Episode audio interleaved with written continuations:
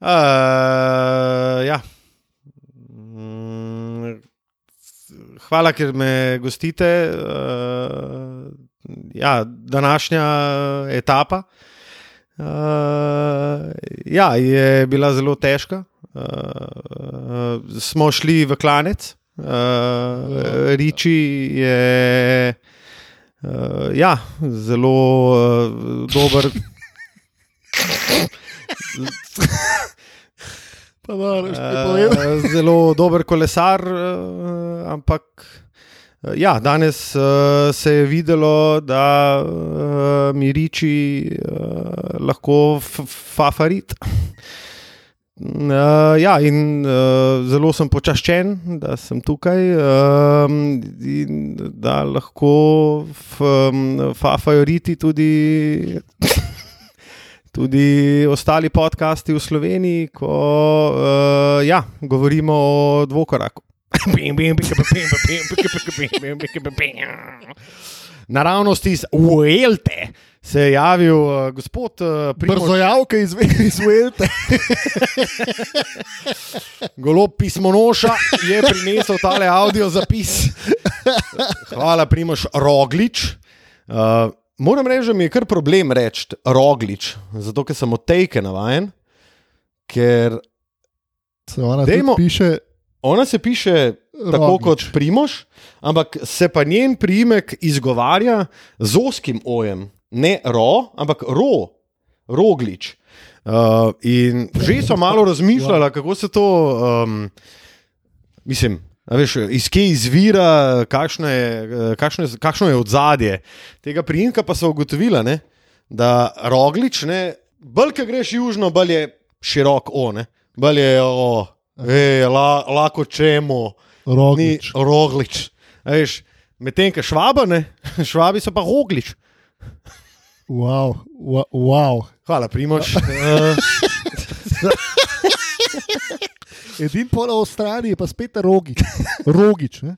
Tom Rogič. rogič, ja. veš, Ja, Smo spet, v bistvu samo za gorjo je Roglič. ja, v bistvu res.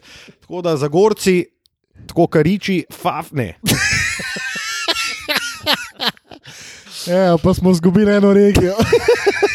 Statistične regije, da bi Itak ne moremo iti tja, tako da hvala Leš Hojs in hvala Primož, Primož Roglič za tale uvod, vso, vso srečo na Vuelti.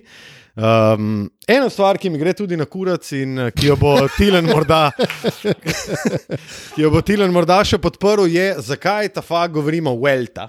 Kdo pa govori? Vsi Vuelta? govorijo Vuelta. Ne, jaz rečem Vuelta. Zakaj ne govorite Vuelta? Jaz govorim Vuelta. Kako govoriš? Vuelta. Vuelta. Ne, Vuelta. Vuelta. Ve, zakaj ne rečeš Vuelta? Vuelta. To se čuti čudno. Čud, ja. Zakaj ti ne znaš govoriti, Luka? Tale mikrofon bom pa zdaj predal Tilnu Lamutu. Dobrodošel, Tilen Lamut, kako si? Zelo dobro, Luka. Potem le v vodu, sicer nekoliko bolj zaspano, a vendarle. Drugač pa jaz tudi rečem Vuelta. Vuelta. Ne Vuelta, Vuelta. Vuelta. Ti, Vuelta. ti, V, ja sploh. Vuelta. V, ti rečeš V. Vuelta. Vuelta, ja. Vuelta. V in U skupaj. Vuelta. La Vuelta. No, kakorkoli. Mislim, a so vrata ali so urata? Mislim, aj po slovenski, aj po španski. Ne vem, po mojem tudi to igra vlogo. Ampak ti kot eh, strokovnjak za tuje jezike, ne dvomim, da imaš tule pripravljen odgovor. Luka, Mislim, da izvoli. bi, kar se tiče prevzemanja um, imen iz španskega v slovenski jezik, ne vem, če je pravilno, da v enačimo v dvojni V, torej da govorimo Vuelta, je pravilno, da govorimo Vuelta oziroma Vuelta. Je pa nepravilno. Tako da, le, mislim, to je samo mojih 5 centov, ko- kot bi dejal Slavko Jerič. uh, Um, in dobrodošli v 49. epizodi podcasta Dvokorak. Tilen Mut, Matija Kosmaš, Luka Šucin smo zopet z vami. Hej, hej! Živijo. No, vsak, je prekinil po petih minutah, mu nimam kaj Ko dostavlja, je že zdaj prešalto na 20 v tem trenutku. Tilan, kako si? Nisi odgovoril na Sem, sem. vprašanje. A si? Zelo dobro sem. A, zelo dobro. Odlično. dobro. Danes si imel uh, intervju z enim izmed, najve, enim izmed velikanov slovenskega športa. Ja, drži. Z bojčem. z bojčem, s kroserjem. Križarka. Ja, je bil moj gost v Fortrejevem vrtu. Najbrž sem zdaj se ful na robe izrazil, ampak Nekaj je forterjev. Forterjev. Poleg ko Forterjev. prenašamo iz ljubljanskega jezika v bežograjski jezik, Ja, mislim, da to ni ustrezno, ne? ker če pogledamo takole prena, prenos v slovenski jezik iz Bežigrajščine, oziroma bolj kot ne uh, osrednjega centra v srednji center. v, v Ljubljani, mislim, da ne štima tole. Kaj da bi rekel, iz analnega šupka.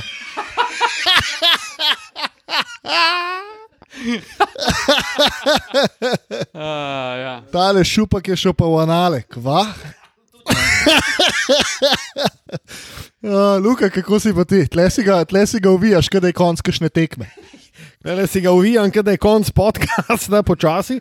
Uh, ne, bi pa rekel, da sem uh, zelo dobro. Še malo prej se mi je kovcalo, ampak zdaj sem pa v redu.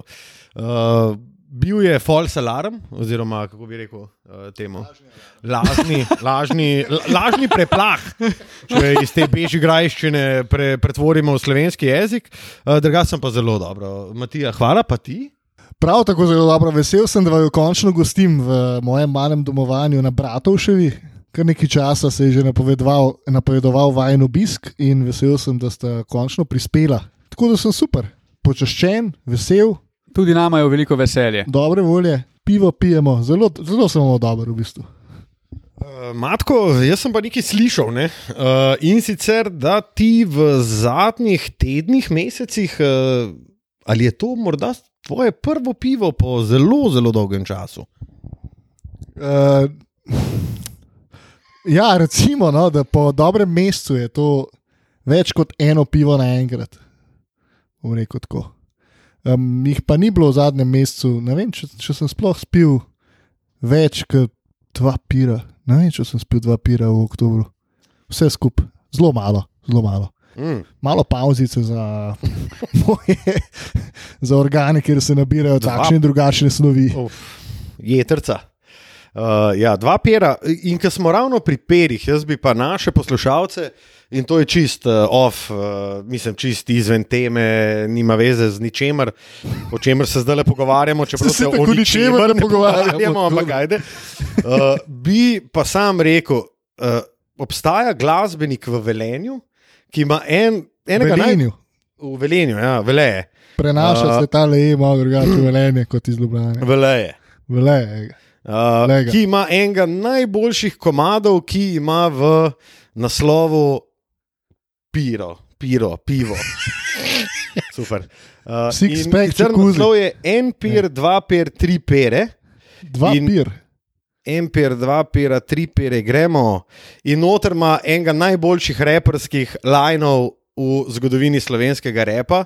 In sicer, saj mislim, da je v tem komadu in reče: Poglej, ježe so prišli, da bi bodli. In to je gospod Zije Bane, ki je pa eden največjih šefov, modeloma pa take najave. Um, polet, ne, čakaj, že rekel. Re, a, uh, pojeti letijo visoko, poleti ti zlomimo roko. to je recimo eden Wow. izmed Wow. lajnov, ampak uh, Zije, unika res spremljate rep, boste vedeli, o čem govorim. Zije Bane, če poslušaš, jav se. Zdaj bomo končno vedeli, če nas posluša tale tvoj prijatelj z radio študent. Džiza, stari, zdaj bomo vedeli. Džiza. Zdaj bomo vedeli, če nas Džiza posluša.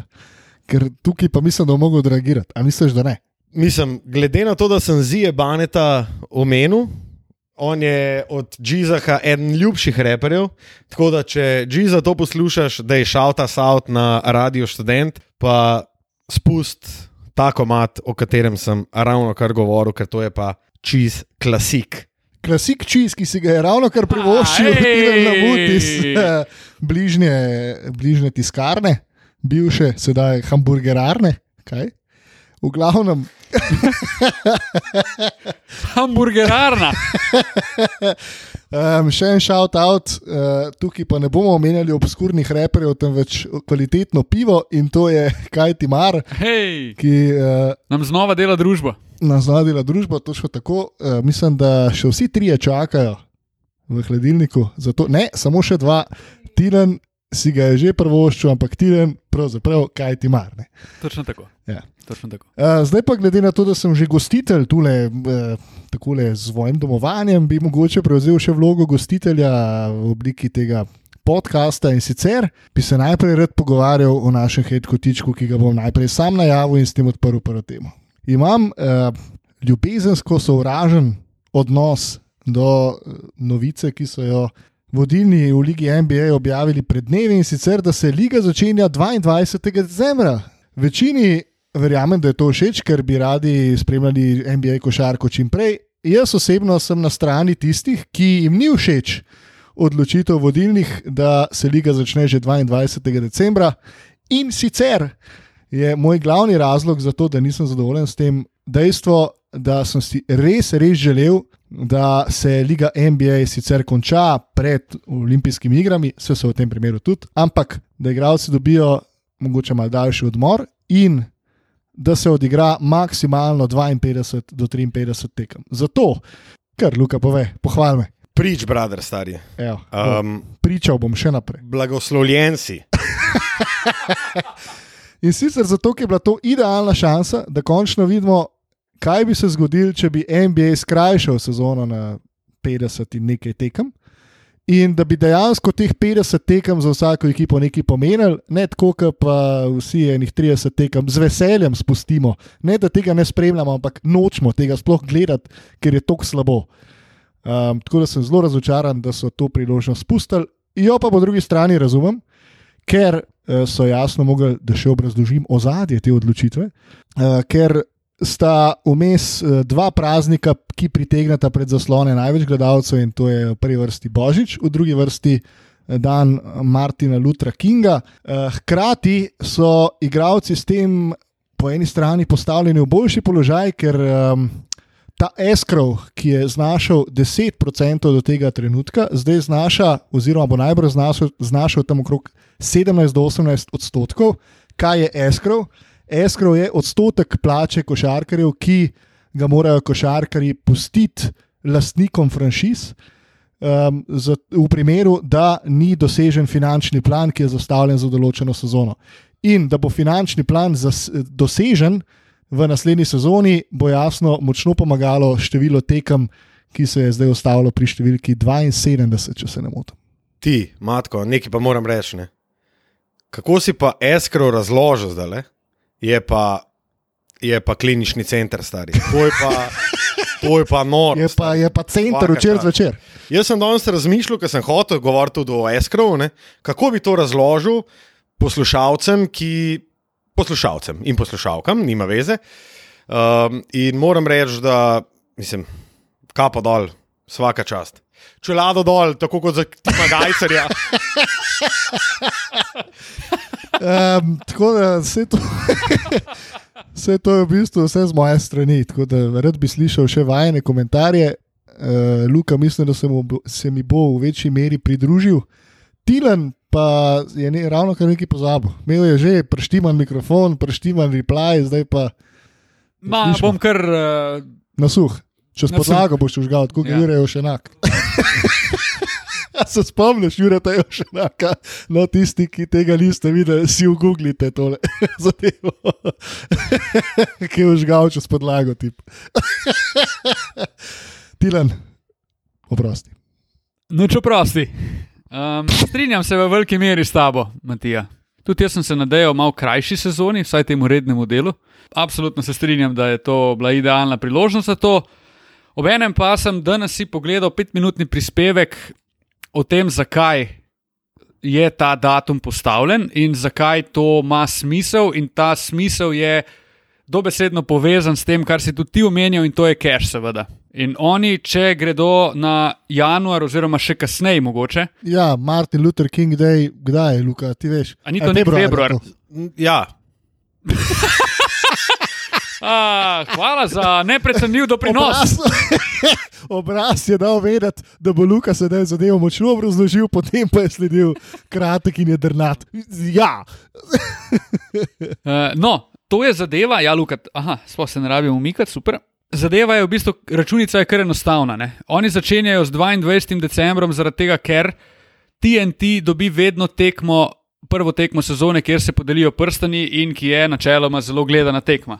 In oni začnejo, ker TNT dobi prvo tekmo vedno, podelitev prstanov, po drugi strani pa ABC dobi vedno božične tekme, si oni to razdelijo. Ne? In oni, če gredo štartati po Božiču, po 25. decembru, že to zgubijo. Ne? In tu se lahko navežemo na ono, kar si govoril, dva največja dneva rednega dela sezone, Martin Luther King pa Božič. In oni zgubijo, mislim, da če gredo na januar, že ne vem, pol milijarde. Nekaj takega. Ne? In to v končni fazi se vse skupaj pozna tudi na plačah igralcev, ker je pač revenue tako slab, da ga zelo težko nadomestiš. Poleg tega gledanost uh, strmoglavlja. Uh, razloge o tem lahko iščemo, mogoče ali pa tudi ne. Ampak to je računica, zakaj je 22. december. Ne verjamem pa, aha, zdaj sem pa prišel do tega, kar sem prej pozabil. In sicer, ko si govoril o tem, da z veseljem 30 tekem spustimo. Ne? To je res in tudi tokrat bodo, verjamem, da številni, ki so šli globoko v končnico, to tudi naredili. Danny Green je nek, nekaj o tem že povedal, oziroma namignil na to, ne na zadnje je tudi Barack Obama uh, sprovociral Lebrona Jamesa na HBO, na tem uh, Uninterrupted, tej seriji, in je govoril o tem, da kao itak ne bo nič igral v začetku, če se začne 22. decembra. Jaz verjamem, da marsikdo, mogoče ne da ne bo igral, ampak bo, ne vem, Lebron James imel povprečje 28 minut na tekmo. Zdaj, a je to dobro ali ne, najbrž je slabo. In ta začetek sezone bo še bolj negledljiv, kot pa so bili vsi ostali.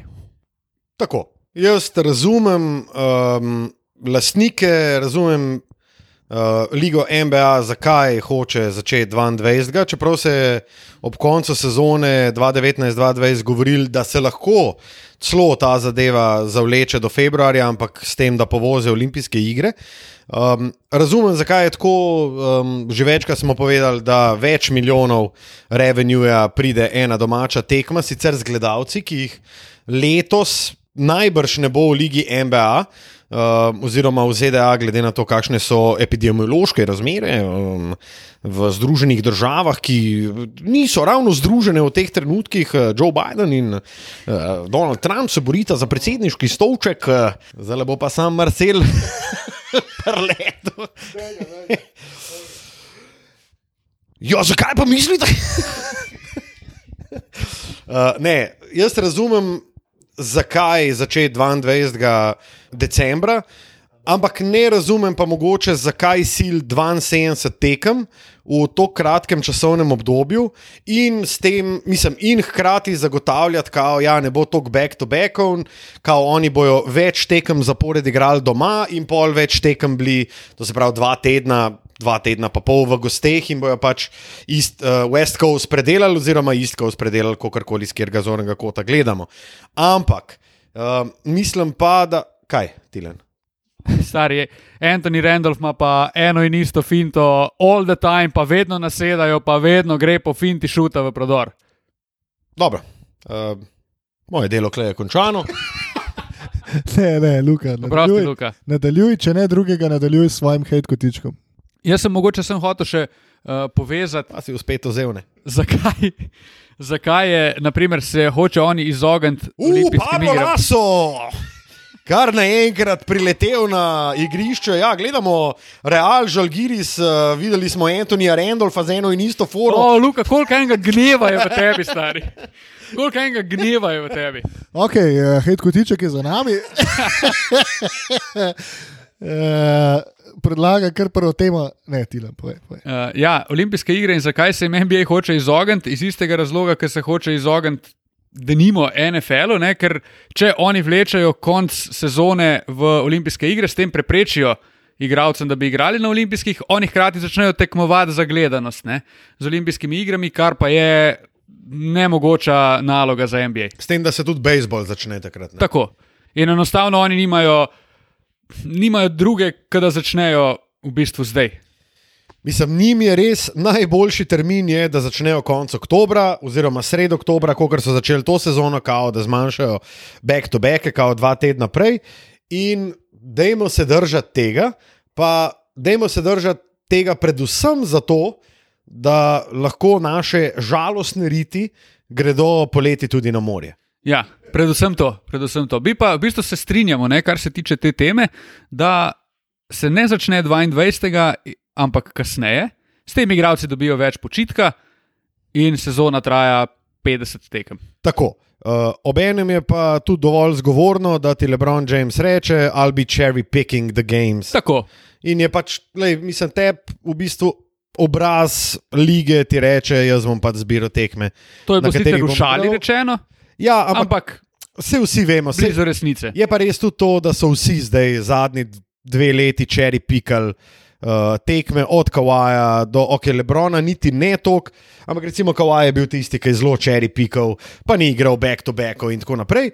Ampak, ok, uh, mislim, da se klej vsi strinjamo, da okay, če začnemo, no, ti lam povej. Prav je pa ena stvar. Ne? Mi govorimo o tem, da bo vem, Lebron imel koliko, dva meseca, v bistvu ne, tri mesece, dva meseca počitka. Ne?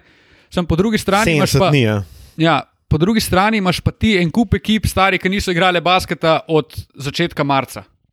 Ja, in tle po eni strani razumeš, zakaj se hočejo znebiti tega visokega eskrova, torej možnosti izgube 17 odstotkov, 18 odstotkov plače ali morda celo več. Tisti, ki niso igrali, se pravi, teh osem ekip proti vsem ostalim, ki so se basketa mogoče malo naveličali celo v tem bablu. Uh, ki pa je mimo grede, um, saj zaenkrat izločen iz kakršnih koli kombinacij in bo NBA liga potekala malo bolje, malo bolj najbrž po urniku bejzbola, torej da bo več tekem iz, oziroma med ekipami iz istega območja um, v krajšem obdobju, tako da se bodo nekako ti mini babli selili. Ja, ful hoče zmanjšati količino potovanj. Ja, bo pa jasno število back-to-back tekem zaradi tega visokega števila tekem v dokaj kratkem času poskočilo za štirikrat. Um, fanta, imata uh, hate kotiček?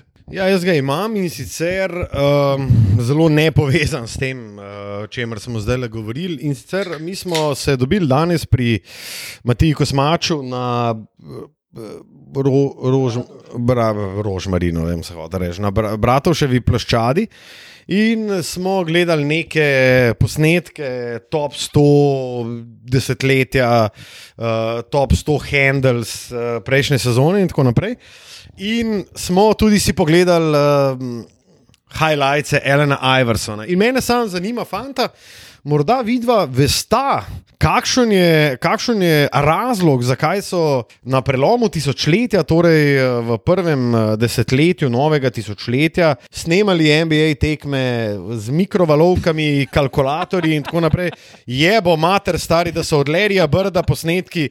Predvsej bolj čisti kot karuni od Elena Iversona in še Kila Unila in Kobija Bryanta iz začetka, sezon, eh, iz začetka karijere. Dej mi sam povej, s čim si to snemu, povej mi, s čim si snemu, prim to v roke, pa fuken si v gobo to stari, ali pa fuken v smeti konc koncev. Ker to je pa taka, to je pa abotno, to je pa taka abominacija.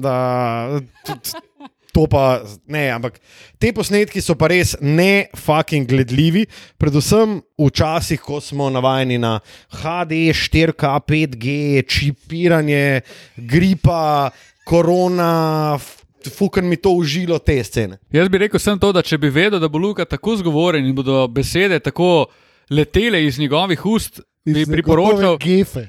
iz njegove gobe. Bi priporočal, da se ti vsakič pred snemanjem začne kavcati. Ja, uh, mislil sem, da bom depriviran besed, eh, kar se tiče uh, tega, da bom lahko govoril, če ne drugega. wow. Kako si sam, Depriviran besed kako si sam tega, sebe govoril. Stari, najprej beseda tedna, pol pa ni znal več eh, sestaviti enega normalnega stavka. Tilan, postrezi nam. Jaz pa nimam hejta povezanega z NBA ligo tokrat, ampak ma se ne vem, v bistvu, če je to hejt, bolj kot ne neko splošno zanimanje in uh, prošnja po obrazložitvi, argumentaciji, bi lahko rekli. In sicer danes je odjeknila vest, da je Aleksandr Sekulič prevzel slovensko reprezentanco. Zdaj, Jaz se pridružujem pri željah po argumentaciji. jaz imam nekaj zadržkov, ne, ne, ne bi hotel zdaj, da to izpade, da ga hejtam naprej, ampak pff, bi, Ne. Sekulič, jaz točno vem, kaj hočeš povedati, mogoče zato, ker smo se malo o tem že pogovarjali. Um, ampak Aleksandr Sekulič sam po sebi ni čist nič kriv. tle. ne, ne, ne, sploh ne. Proti njemu nimamo nič. Mogoče je pa malo vprašljivo delovanje naše krovne košarkarske zveze v zadnjem obdobju. Ja. Dokler se mi pogovarjamo in je tako rekoč v medijih, v javnosti, bolj kot ne potrjena novica, da slovenska reprezentanca po Trifketu prevzema Itidu. Ti, ti, ti, ti, ti, ti. Torej. Uh, Samuel Umtiti, pa tam novi selektor slovenske izbrane vrste. A, torej, Dmitris Itudis, a, ki ni uspel izleteti iz tega Iz te gobe. jagodnega nabora besed. Pa pa, stari, ko pričakuješ, da ga bodo končno, dokončno potrdili, Končno, dokončno. Kva ti delaš, del. Pa, mislim, kaj je pa s tem narobe, končno, dokončno. Ja, mislim. Uh, to je spet, Ja, ne, ne, mislim- mislim, smo prej rekli. Ne?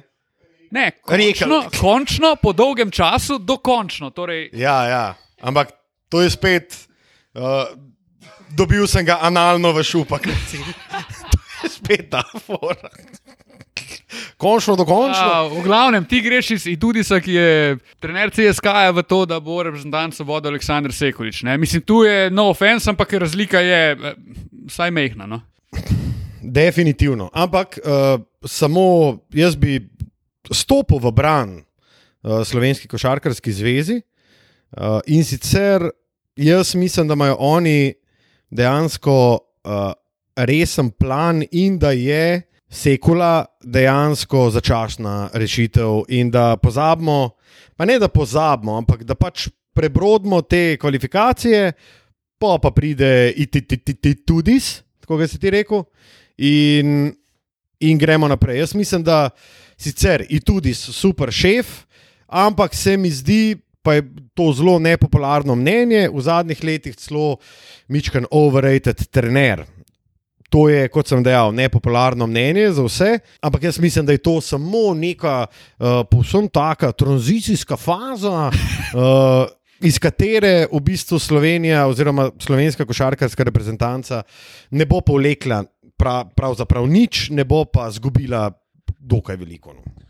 Pa imam pa jaz težavo s komunikacijo te odločitve. Tako. Če nimam z odločitvijo, da je on selektor, um, imam pa s komunikacijo, da je on selektor za naslednjo veliko, naslednje veliko tekmovanje. Ker tako je bilo to predstavljeno. kakor On bo branil zlato medaljo z Evropskega prvenstva. Tako. Mene moti to, da se nič ne govori več o Itudisu. Se pravi, una je bila zgodba, ki je bila skoraj končno dokončna, ne? in zdaj kar naenkrat smo imenovali Sekuliča, in mislim, nihče nič ne reče. Pa vsi so ful radi omenjali, mislim, se je dosti govorilo o tem, da bo Itudis prišel. Ne? Pa še enkrat, jaz ful upam, da se motim v tem, da bo.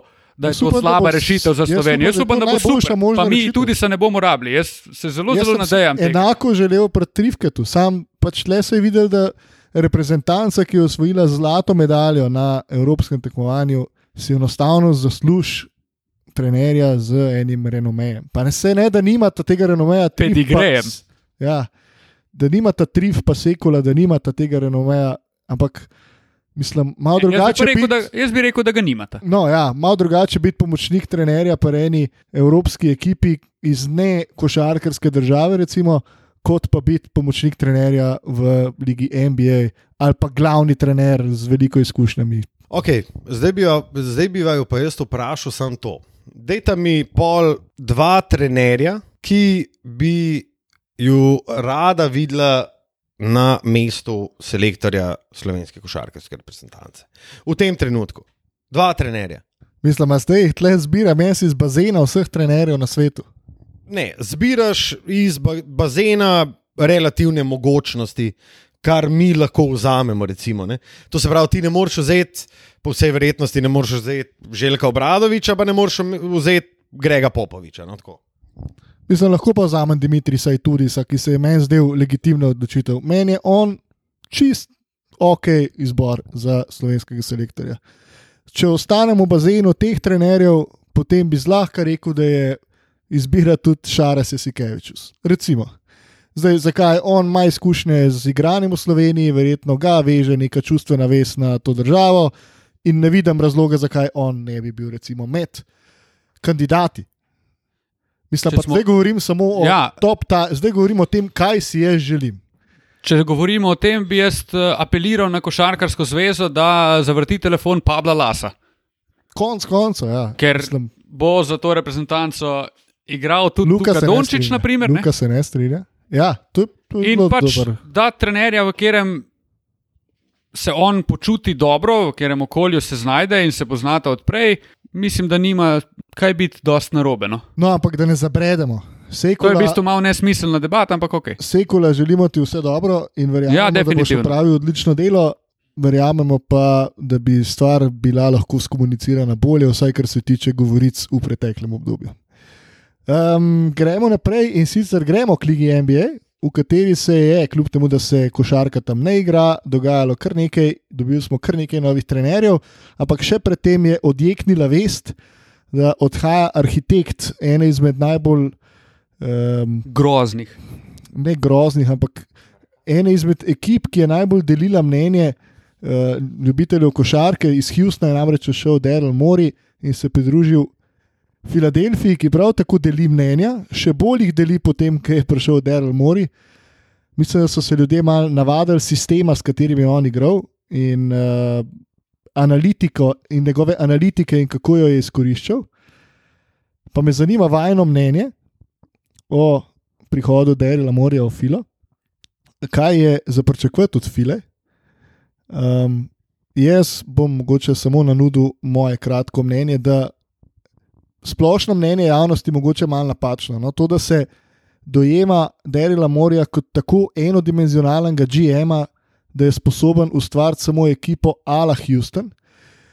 Ki je ekipa, ki bazira na neki statistiki, in tako naprej, kaj se splača metati, kaj se ne splača metati, kako se splača igrati, in tako naprej. Jaz mislim, da je on v prvi vrsti GM, ki zna analitiko obrniti v svoj prid in v prid košarkarjev, ki jih ima na voljo.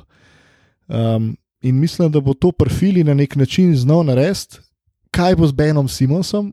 S tem sem se pogovarjal uh, z enim kolegom, in moje mnenje je, da bi v primeru Derila Morja lahko postal Ben Simons en tak, to bo nogometni izraz, free roaming playmaker. Se pravi, ne de facto playmaker, igralec, ki prenese žogo preko polovice igrišča in pokliče akcijo za svojo ekipo, ampak igralec, ki bo imel največ svobode na parketu.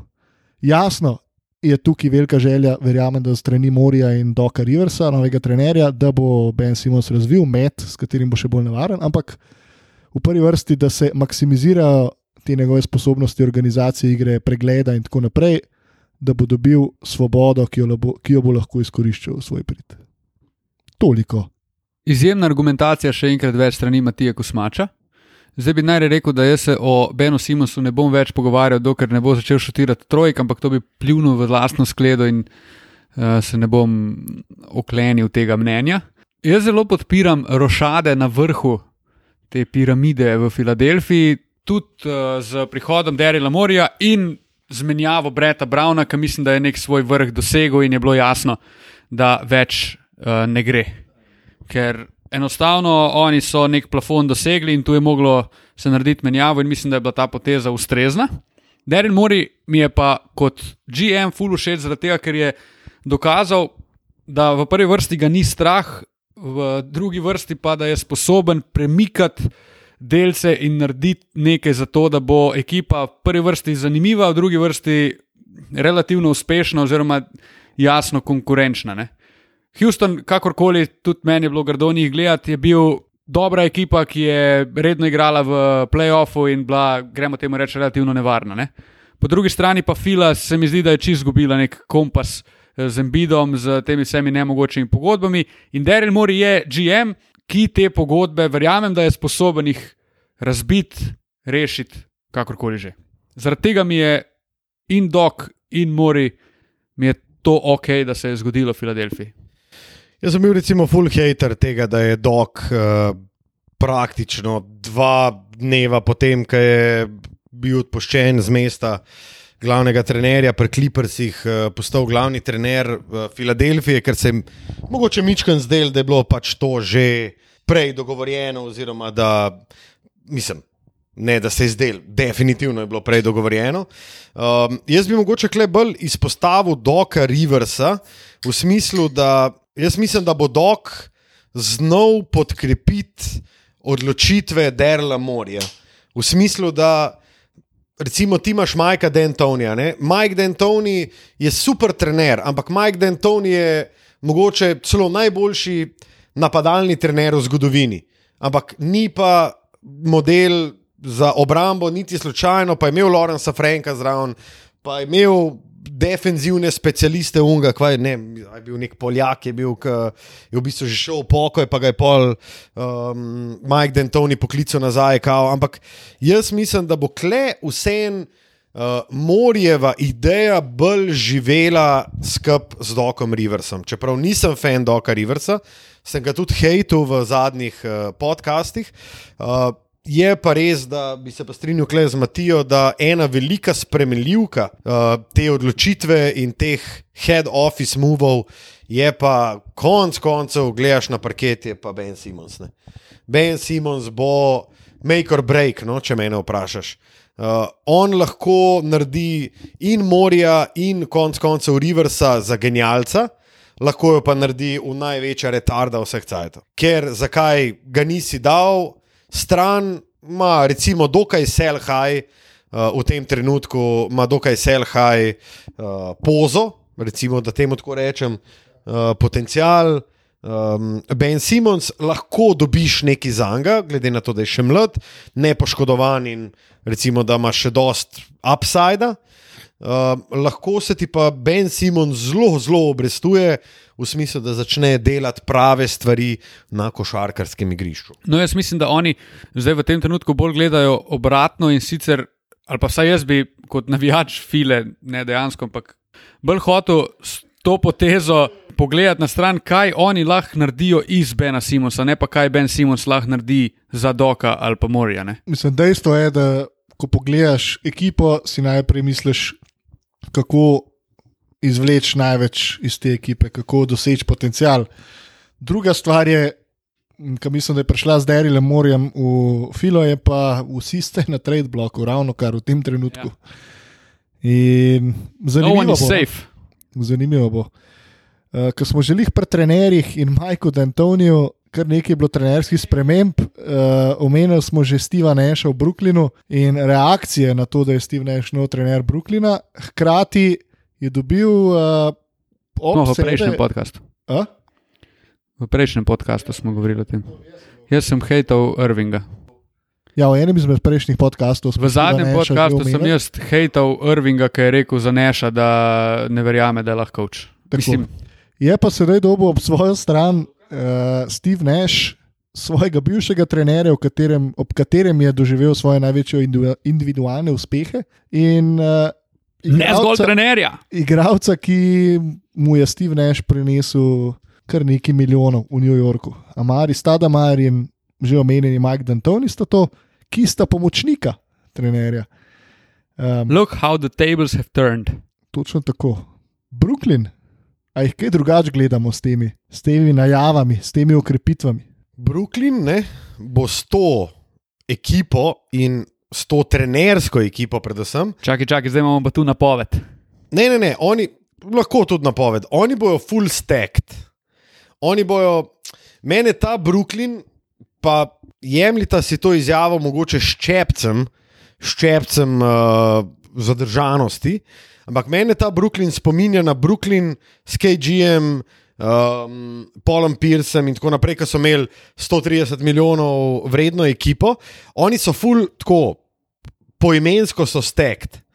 Ampak, če nekaj gledaš, ne?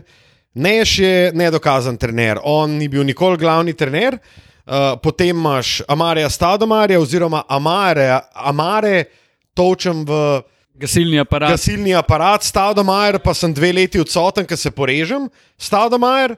Uh, potem imaš Majka Dentonija, je pa res neki, da ti imaš kle tri uh, glavne stebre napada Seven Seconds or Less, ki je haral v ligi NBA, takrat, ko so bili Neš, pa Stadomar kot igralca, pa Dentoni kot trener.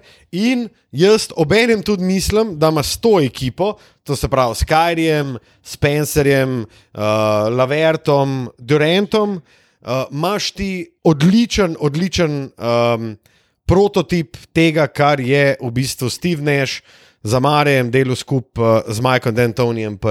Uh, Phoenixu in jaz mislim, da oni grejo na neko novo atomsko različico napada, in da tole bo pa zelo, zelo pogumna napoved, in da znajo malce tudi revolucionirati košarko. Tako kot je Steph Curry. Pa Klej Thompson, kot sta jo revolucionirala s temi trojkami. In jaz mislim, da se bodo oni, vsaj kar se napada tiče, jih pričakujem, tako top 3 v, v, v ligi, kar je praktično že dan in dusted, glede na to, da imaš kaj rija, pa kaj dija. Uh, ampak jaz mislim, da bodo oni zelo nevarni in jih pričakujem tudi v uh, samem vrhu vzhodne konference s temi potezami. Sam vrh, zanimivo. Zanimivo. Dej, jaz bi prosil, da je Luka malo bolj konkreten, kaj je sam vrh. Zelo dobro. Jaz bi najprej rekel, da te popolnoma podpiram pri tem, kar si rekel, glede napada. In predvsem zaradi tega, ker je Mike D'Antoni v svoji najboljši vlogi. Se pravi, on ni mož odločitev, ker bodo te odločitve vezane izključno na napad, ampak je pa možakar, ki ti lahko pripelje enega najboljših napadov, mogoče celo v zgodovini, ker polk sem začel malo razmišljati, da ti v bistvu imaš uh, kar nekaj big menov, s katerimi lahko igraš smrtonosen pick and roll, hkrati imaš pa zraven še mogoče najboljšega napadalnega igralca vseh cajtov. Mislim, to je, to, to je, to je nora kombinacija enih treh košarkarjev. Um, če vzamemo, da je recimo Steve Nash uspel iz Hakima Warika narediti igralca, ki je bil neki vreden v NBA Ja, je res, dve je res.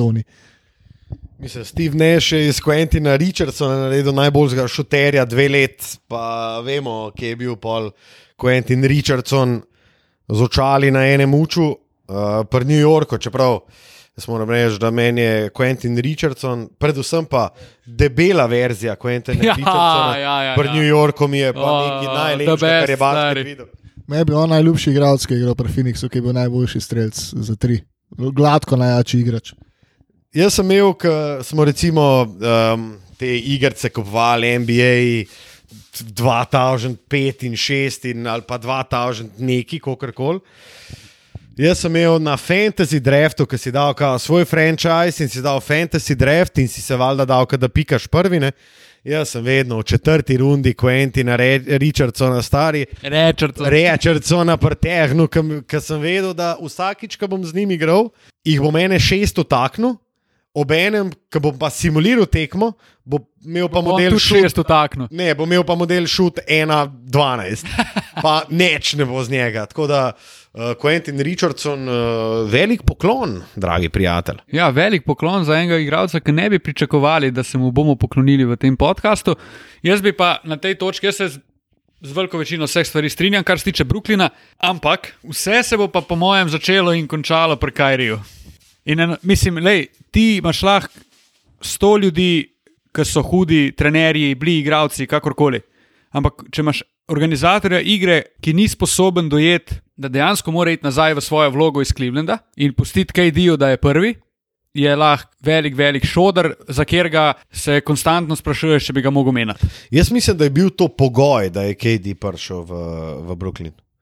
Kaj? To, da Kajri. A da bo Kajri drugi igralec. Ja, da, pa da neha srati. Uh, jaz ne vem, če je bil to glih pogoj. Se pa Ampak strinjam s tem, da če lahko kdo, človek, ki razbije to ekipo, oziroma človek, ki razbije kjerkoli Ja, ekipo, ja, ja. model bi razbil Manchester United iz kjer ga je. dva Jurija, Dva Jurija. nekaj. A? iz leta 2008. Recimo. E, on je človek, ki bi razbil mačkone iz. Stream lige. recimo. On, on je tega sposoben. Bi. Mislim, zelo Bi. težko. Ampak nas ne mogo rad. šankom držati. Ampak bi lahko. Mislim, meni je že to, da on, že ta prva izjava, ki sem jo že hejtel, pa ne bom se zdaj ja, ponavljal, ampak ja. to je že nek naklon, ki ga jaz ne bi nikakor podpiral. In, ne vem, imam ogromno težavo, kar ni skrivnost. In pri tej težavi bom ostal, dokler me ne bo prepričal v nasprotno. Ni pa on edini novi trener. Um, in sicer se je ob eni izmed sprememb na mestu glavnega trenerja oglasil tudi Luka Dončić in sicer se je zahvalil Polu Silasu, ki je bil pomočnik trenerja v Dallasu in eden izmed bolj čislenih pomočnikov v ligi, prevzel pa je Houston. Zelo zanimiva poteza, moram reči. Zelo zanimiva poteza, rekel je tudi Silas na tiskovni konferenci, ki jo je imel pred, uh, mislim, da enim dnevom, tole snemamo na petkov večer 6. novembra. Dejal je Paul Silas, da ni popolnoma uprit igri, ki jo je kazal Houstonu v zadnjih dveh sezonah, torej da je to statična igra z veliko izolacij na Jamesa Hardna in na drugi strani na Rasla Westbrooka v zadnjem obdobju, ampak da želi predvsem hitre napade, ki uh, bi nekako izkoriščali napake v začetnih fazah uh, napada oziroma obrambe nasprotne ekipe. Um, očitno hoče po, pohitriti igro in jo hkrati narediti malo bolj ekipno, kot je bila v zadnjem obdobju. Um, Harden je tle jasno mož, na katerega se najprej spomnimo, in Harden je tudi že v govoricah za trade s Filadelfijo. Jasno so tle povezave, jasne, nov trener pri Houstonu, te izjave in Mene pa to malo mori, stari. pri Filine. Zdaj, koliko je tle res, koliko je to samo connect the dots. Ja, bi, mene to malo moti, realno. Da, da zdaj je pa Daryl Mori, ki je bil tako čislen, kar se ti, tega sistema tiče in ga je osnoval na Hardnu. Pa vse ne vem, ali je bil zdaj Daryl Mori un, ali je bil dejansko ta eh, napadalna strategija ali pa vizija Majka D'Antonija ključna za to, da je Harden ratal to, kar je. Ampak to, da se pa zdaj avtomatsko povezuje, da je pa Harden kar na trade bloku od Houstona, pa da bo šel v Filadelfijo, ker si ne vem, kako je to sploh možno, ali pa da bi Houston to hotel izvesti, to se mi zdi dosti pretirano. No. Ne bi se zaletel v to. Mislim, se to, je- kar se mene tiče, je to čist neka logična posledica tega, da je Daryl Mori šel v Fili in da se Fili zdaj povezuje z Jamesom Hardnom, ker je Daryl Mori konec koncev svoja najboljša in najbolj znana leta preživel. Praktično s Jamesom Hardnom in ena njegovih najboljših potez je bila prav ta, da je kot Sixtmana Hardna on potegnil iz Oklahome. Um, je pa dejstvo, da mi trije o Polu Silasu ne vemo prav veliko. ne. In težko zdaj ocenjujemo Ja, potezo zelo Houstona. težko rečem karkoli o tem. Zanimivo, všeč mi je, da je dobil priložnost, zdaj kako se bo to išlo, bo zelo zanimivo spremljati, kaj se bo zgodilo s tem Houstonom, ki je šel Olin in je zdaj izgubil dve, dva velika člena. No. Tega Ja. Olina v Majku, D'Antoniju in Darylu V Moriju. bistvu glavo tega All-Ina so oni izgubili v celoti. A imamo še kakšnega trenerja, ki bi ga Imamo. hotel omeniti? Imamo eh, in s tem trenerjem bi hkrati omenil še en trade rumor, ki mi je precej bolj fascinanten kot tale s Hardom, ki mi je dosti logičen, kot smo rekli. Stan Van Gundy je prevzel Pelikanse. Uh, ful zanimiva odločitev, predvsem zato, ker je Stan Van Gundy trener, ki še posebej cen košarkare kot je Drew Holiday. In Drew Holiday je kar naenkrat zelo jasno in glasno na trade bloku. Jasno je, da so, ga, da so se pogovarjali o Drewu Holidayu, um, pri Pelikansih že v lanski sezoni, ampak da so ga pa tako javno naznanili in potem, ko so že zaposlili Stena Van Gandija kot uh, tarčo oziroma kot igralca, ki ga bodo resno, resno ponujali v tradu, to je pa mene ful presenetilo. In Drew Holiday, glede na to, da bo full hektična in da bo hektičen in kratek off-season, se mi zdi glavno ime tega off-seasona. Ja, unka ga bo dobil, bo zelo, zelo srečen. In zelo rad bi v svoji ekipi videl Džruja Holidaya, tudi Lukaš Ocin, ki je danes naznanil, da je to njegov najljubši play. Meni je tu tudi en najljubših plev. Tle se veliko menjata dve ekipi. Denver, zato ker ima polno enih esetov, ki bi jih lahko poslal v uh, Pelikanse. Pelikansi hočejo dobiti, na mestu Druja Holidaya, dobi, hočejo dobiti igralce, ki bi bolj sedeli v timeline Zana Williamsona in uh, Brendona Ingrama. In Denver to ima, Denver ima kar nekaj igralcev, ki jih lahko pošle, Porterja, ki je eksplodiral v zadnji sezoni, malo pričakovano, uh, pol Mr je verjetno nedotekljiv, je pa tle Gary Harris, Barton, mislim, kar nekaj Denver zanimivih ima opcij. en kup teh ljudi, ki jih lahko pošlje. Zelo, zelo zanimiva opcija je pa tudi Brooklyn. Ja. S Spencerem, Dinwiddiem in še čim zraven. In če Brooklyn dobi Drewa Holidaya, jaz si tega ne želim, zato ker se mi zdi, da je Kajri sposoben pokvariti tudi ekipo z Drewem, ki je en najbolj good guy v NBA. Um, po drugi strani, da pa daš trojico, Durant, Irving, Holiday, pa zraven še ne vem. Če ostane Joe Harris, recimo, če se ga v tem tradu ne znebijo, če ostane vsaj en izmed centrov, Ellen, Deandre, wow, poje pa ta Brooklyn. To, Hudi, to res, hud res hudi. Res hudi. imenih. No. Uh, Zek Love je analitik, ki, katerega mnenje nekaj šteje. Ne? No, on je Ne. rekel, da je Brooklyn, Golden State in pa Denver so v extensive uh, trade talkih z New Orleansom glede Druja, so pa tudi Miami, Dallas in Atlanta. Tam tam. no, jaz še vedno ostajam fan Dallasa. Ja, Mislim, jaz, definitivno. jaz sem, če, če obstaja kdo v backcourtu, ki lahko igra z Luko, jaz verjamem, da je to Drew in ki mu lahko komplementira na številnih uh, področjih, v obrambi, v napadu lahko igra brez žoge in tako naprej. Tako da um, jaz sem full v tem movementu, Drew-tu Dallas. Ne. Če Dallas res zdaj kao, gre Olin že v tem off-seasonu. Jaz se moram uh, pridružiti tej misli. Dallas je bil tudi pri meni v, definitivno v prvi vrsti, ko govorimo o mogočih destinacijah za Drewa Holidaya. Bi me pa tudi zanimalo, kako bi recimo Drew izgledal v Golden Stateu. Jaz mislim, da bi Drew mogoče bil za Golden State celo uh, boljši kot za Dallas. Uh, v smislu, da bi spet Golden State lahko tako revolucijo naredil na, na um, parketu, v smislu, oni bodo imeli Stefa Curryja, Kleja Thompsona, Drewa Holidaya, Draymonda Greena, pa recimo še enega palčka gor. Ne? Pa še ne par ljudi. Pa recimo še Jamesa Wisemana.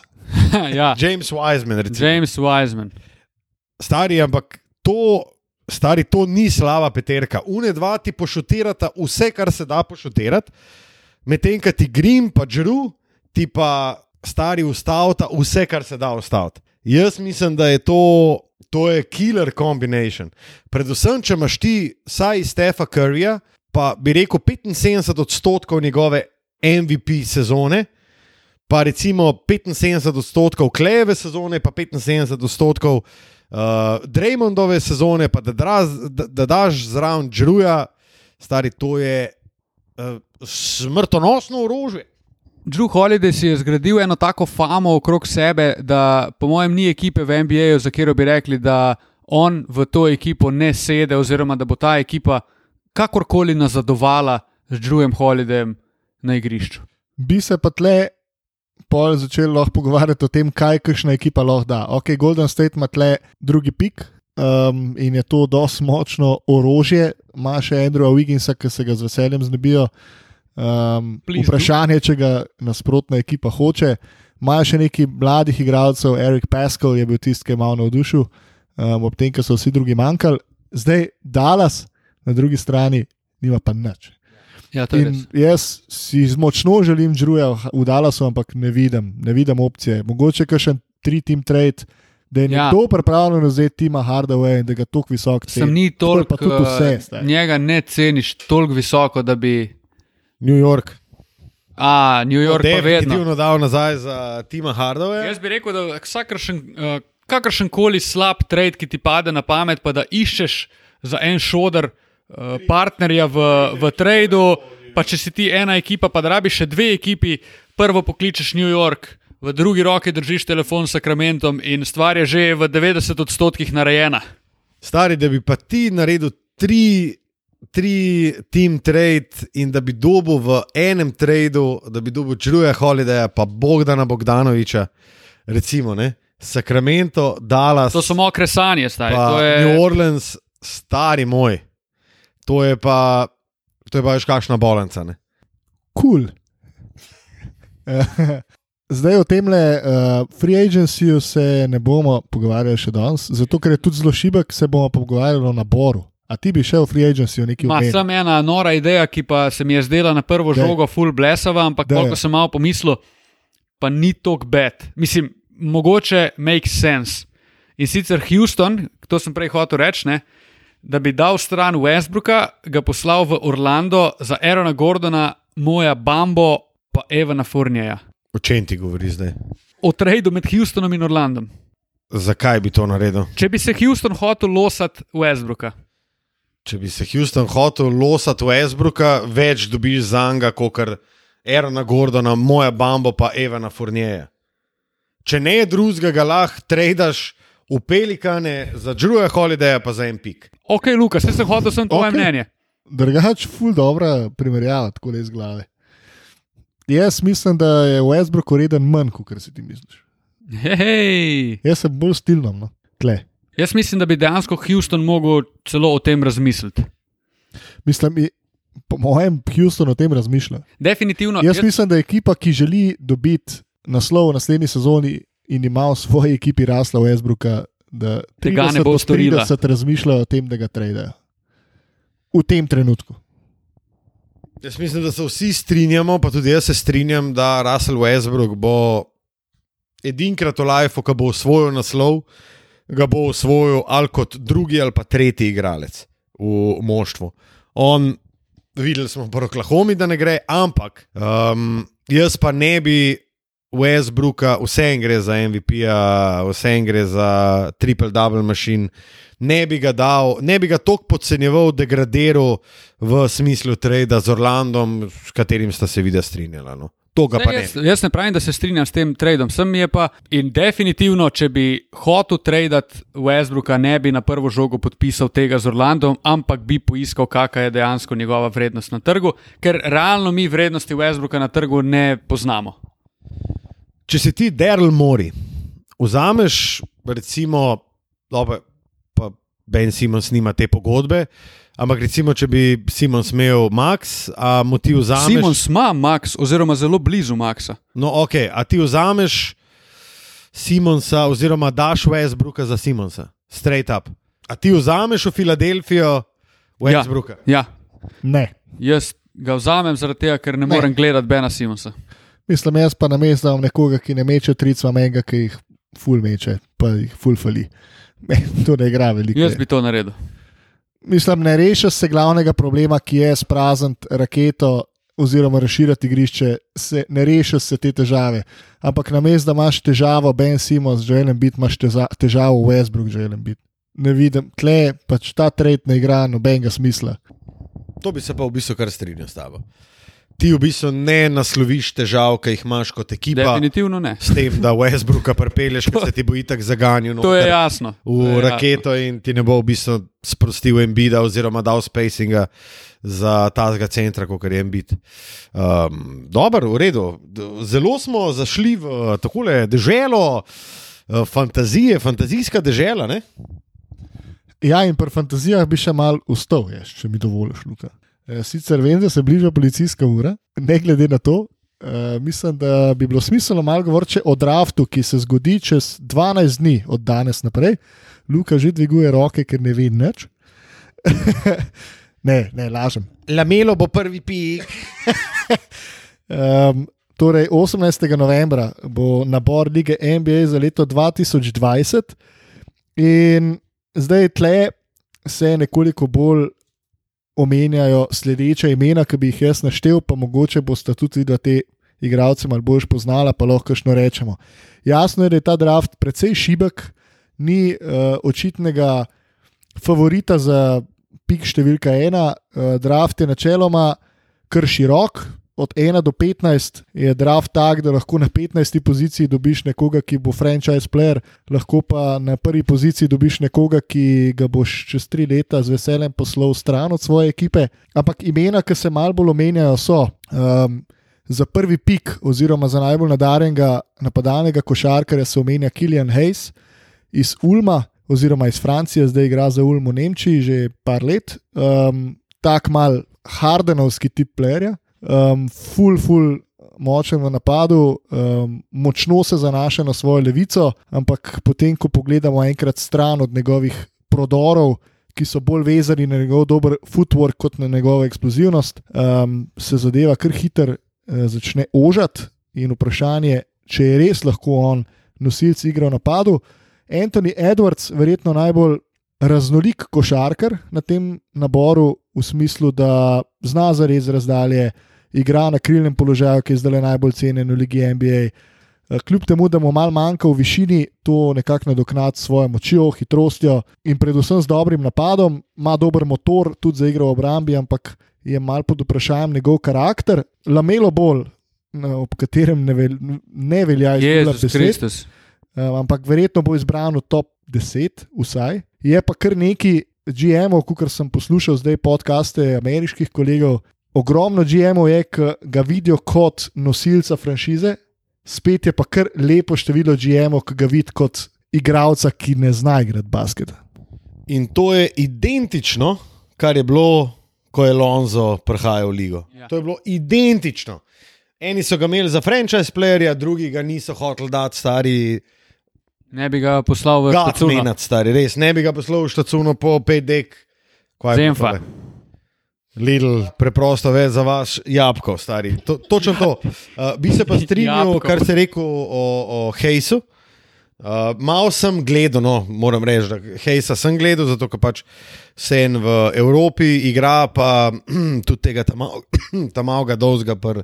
Nanteru, Wamba Majama. Ja, bo seli nek. Ne, ne, ne, Wamba Majama. Ne? Ja, ja, ja. A gre on, a gre on?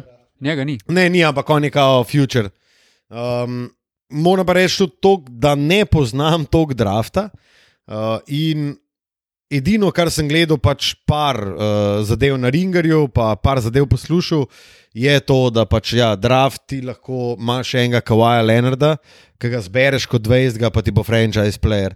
Tako da bo full zanimiv draft v smislu, uh, da bo res mogla vsaka ekipa zbrati točen unga karab.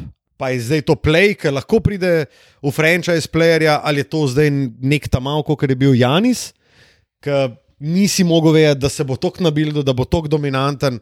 In mislim, da bomo iz tega drafta uh, letos dobili ene par hudih, hudih zvest. Jaz bi rekel, da je ena, ena večjih težav, uh, ki si jo ti zdaj malo omenil, to, da ekipe doskrat ne zbirajo tega, kar rabijo, ampak zbirajo to, kar naj bi bilo najboljše. To je ena velika moja težava z, izbirom, uh, z izborom na draftu. Ampak mislim, da se to zna letos malo spremeniti. Ravno zaradi tega, ker smo tudi te, ki so igrali na koledžu, so igrali samo par mesecev. In v bistvu Ja, ti zdaj ocenjuješ te igralce na podlagi S tem, da Edwards je itak bil, a ni bil on izključen ali nekaj takega. dveh To mesecev. Ja, Ne, to je Wiseman. nek, neki, ne, Wiseman ni igral. Ja. Wiseman ni igral. Wiseman ni igral. Um, mislim, da bi še predstavil par igralcev, ki se malo bolj kažejo. Še en, ki ga vsi trije dobro poznamo, je Deni Audija. Um, full, full dober preview um, in full dobro scouting analizo je naredil Ringer oziroma J. Kalman. Uh, zadevo sem takole repostov oziroma kaj že retweetov Retweetal. in si lahko pogledate, res dober dela model in res ga dobro zadene.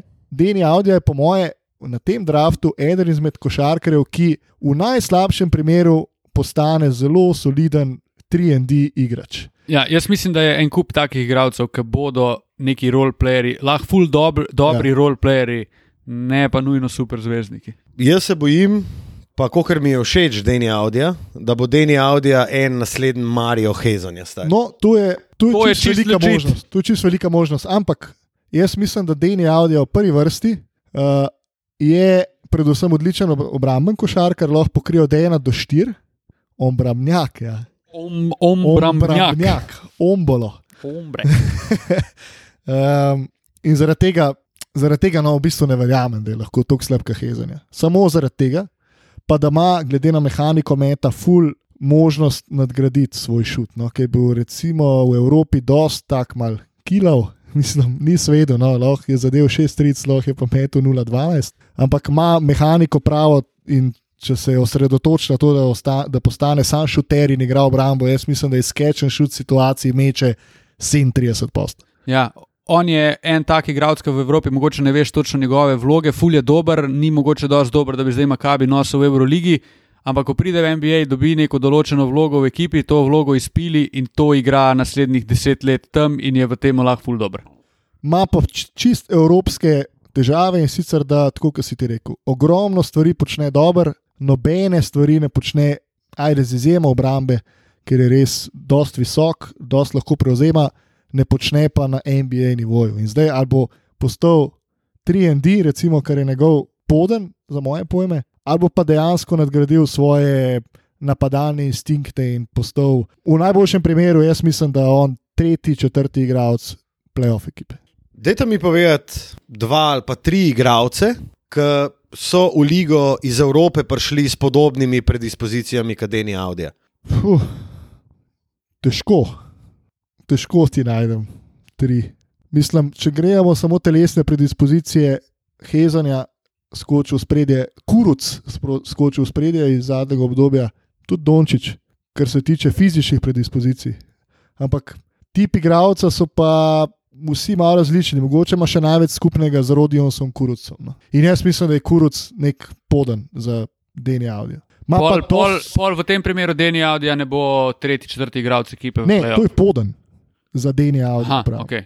Ne, Verjamem, da ima potencial, da s solidnim šutom, s tem, da izdela tudi šut iz driblinga, um, lahko postane čist soliden. Čist soliden tretji igralec, zaradi tega, ker lahko v obrambi to naredi. Ne? In če zadene, če popravi svoj šut, no, jaz mislim, da je lahko zelo koristen za svojo ekipo. Onjeka o Kongvu. Rdeče zastavice se dvignejo ne samo ob njegovem priimku, ampak, ampak tudi ob dejstvu, da ga imajo številni za naslednjega Bema Debaja. Pogosto, ko se zgodi ta stvar, da en igralec tako preseneti, kot je Bema Debaja v zadnjih dveh sezonah, in se takoj najde nekdo, ki bi lahko bil naslednji Bema Debaja, To ni. To ni in je to samo uh, percepcija, s katere gledajo GM-ji, skauti in tako naprej. Enako se je dogajalo, ko je Mo Bamba prišel po Joelu Embidu in zdaj bo pa on naslednji Joel Embid, ker lahko šutira, pa lahko igra spodaj, pa ima dober footwork. Pa zdaj vemo, kje je Mo Bamba. Ne? To je pa eden izmed igralcev, od si katerega ga- sem, za, uh, katerega sem edinga gledal scouting in isto je naredil Ringer. In jaz se moram strinjati, stari, da on, on bi lahko bil v pizda najboljšem, ampak to je čisto moje mnenje.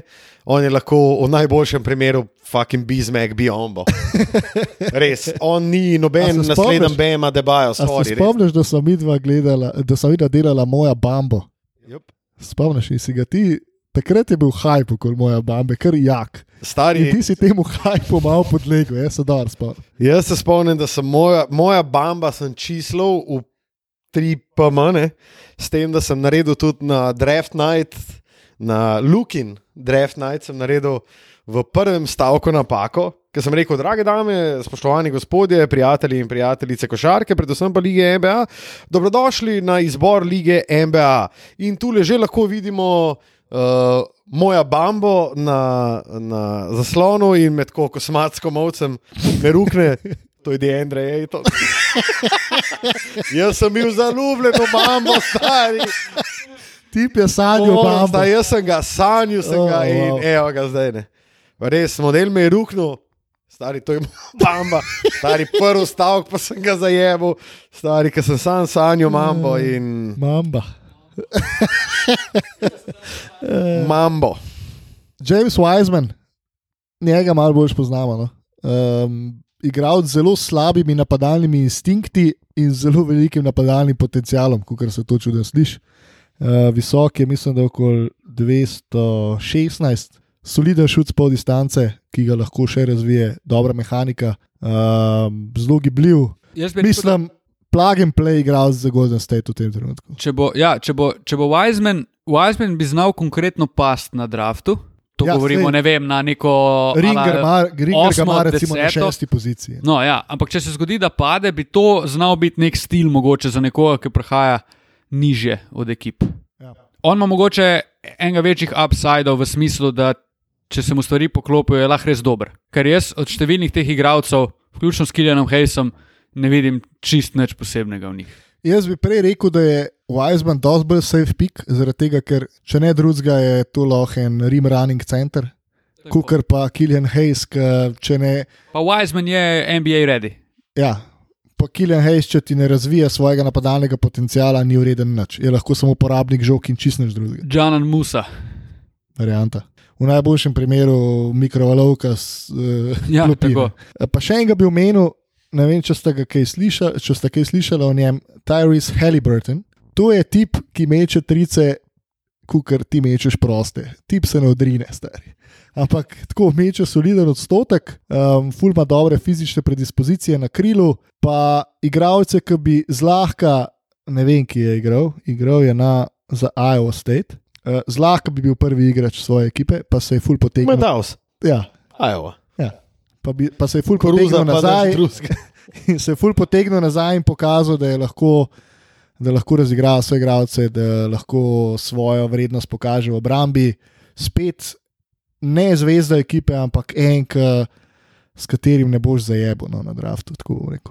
To so tisti, ki so meni uh, skočili v oči in o katerih sem slišal malo več. Um, zdaj pa, kdo bo prvi pik za Minnesoto, a pričakujete trade Minnesota, Golden State in tako naprej. Jaz bi rekel, da bo ogromno ekip, ki ima visoke pike, letos menjalo te pike. Zaradi tega, ker so tu ekipe, ki dejansko ne rabijo nujno mladih igralcev za to, da bi nekaj naredile. Naprimer, Golden State, oni ne rabijo rukija, imajo ekipo, kjer jim trade drugega pika, pa da prepeljejo nekoga. Tipo Drew Holiday, to je vrh, kar ne, naprimer, lahko dobijo, jim to dosti več pomeni, kot pa en ruki. Pol imamo Lukata, ki bo zdaj nekaj povedal. Ja, kaj pa, kaj, pa, kaj pa to? Podajamo se zopet v fantazijski svet, ampak ti imaš dosti placa, dosti manevrskega prostora. Kaj pa Gogi v Golden State? Za me, pa sem slišal to, uh, to primerjavo oziroma ta trade. In za me se je zdelo, sem tako, pliz, Gogi, pridrajo dvokorak, kot v Golden State. Ja, pliz, deno. Oprosti, Tilen, ker sem te prekinil. A, to je to. Ja, no, sem- A, okay. Torej, Minnesota, kdo sploh igra v Minnesoti zdaj, poleg uh, Keta? Ja, Cat, D'Angelo Russell, pa wow, veliko no. šodra. No, skratka, če oni hočejo karkoli narediti, je počasi tudi čas, da nekoga boljšega, bolj veteranskega prepeljejo, ne pa spet nek prvi pik in po vsej verjetnosti ne bo ratov. Torej, Mislim, da Minnesota. je oni vzeli v gobo. Jaz mislim, da oni vzeli Antonija Edwardsa brez pomislekov. Ej, tam pa Ekspert. en uh, ekspert in uh, insider. Pizda, škaj mi pa dobro, ne? da mi je sakao NBA komentatorje. ne. Ja, ja, Ampak zdaj- Kar se tiče pa mladih šolo nas pelje nič. nas pa matko pelje stari za rokco, prvi dan šole, Pa stari. vrtič. Točno to pa še narine profesorca, stari res. To je pa noro, kaj nama dela, stari res. Model je pa načitan za mlade igralce, to je pa, to je pa ognjemet, stari, kot, kot ga zdaj vidimo nad uh, stadionom White, Hart Lane uh, v Londonu. Ne, ne, ne, ne, ne. To je pa stadion luči, prijatelj. Ne, ni. ne, ne, to je pa Ne? Southampton, Kva imajo oni? A ja, St. Mary's. St. Mary's. St. Mary's.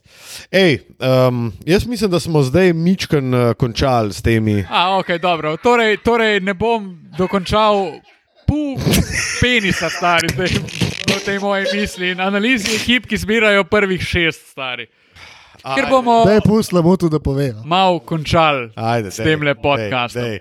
Ne, ne bomo končali, zato ker imamo še eno zelo zanimivo, um, tako le bi rekel, uh, zelo zanimiv segment uh, podcasta Dvokorak, ampak dej Tilen, pridušaj se. No? Ne, kar Luka lahko tudi nadaljujemo. Dobro, v redu. Zdaj, Tilen, ti si pred uh, začetkom snemanja tega podcasta naše poslušalke in poslušalce um, Povabil. povabil in pozval uh, s tem, kaj je narobe, oziroma kaj vas moti v zadnjem času, kar se tiče lige NBA in širene. In zdaj bi vaju jaz lahko, oziroma ne lahko, prosil vaju bom, da mi samo v enem stavku odgovorite na vsa vprašanja. Eh, Tudi jaz se bom potrudil, da bo temu tako, na vsa vprašanja in uh, nerganja naših uh, poslušalcev in poslušalk. In sicer, kaj vas moti v zadnjem času? Vjakal je napisal, da me JJ kog bloka. Kaj imaš povedati na to? Super, bodi vesel, da te. Jaz sem tudi vesel, da ne vidim teh tvitev. Kaj pa ti, Tilan? Tvoj vsak dan je lepši zaradi tega.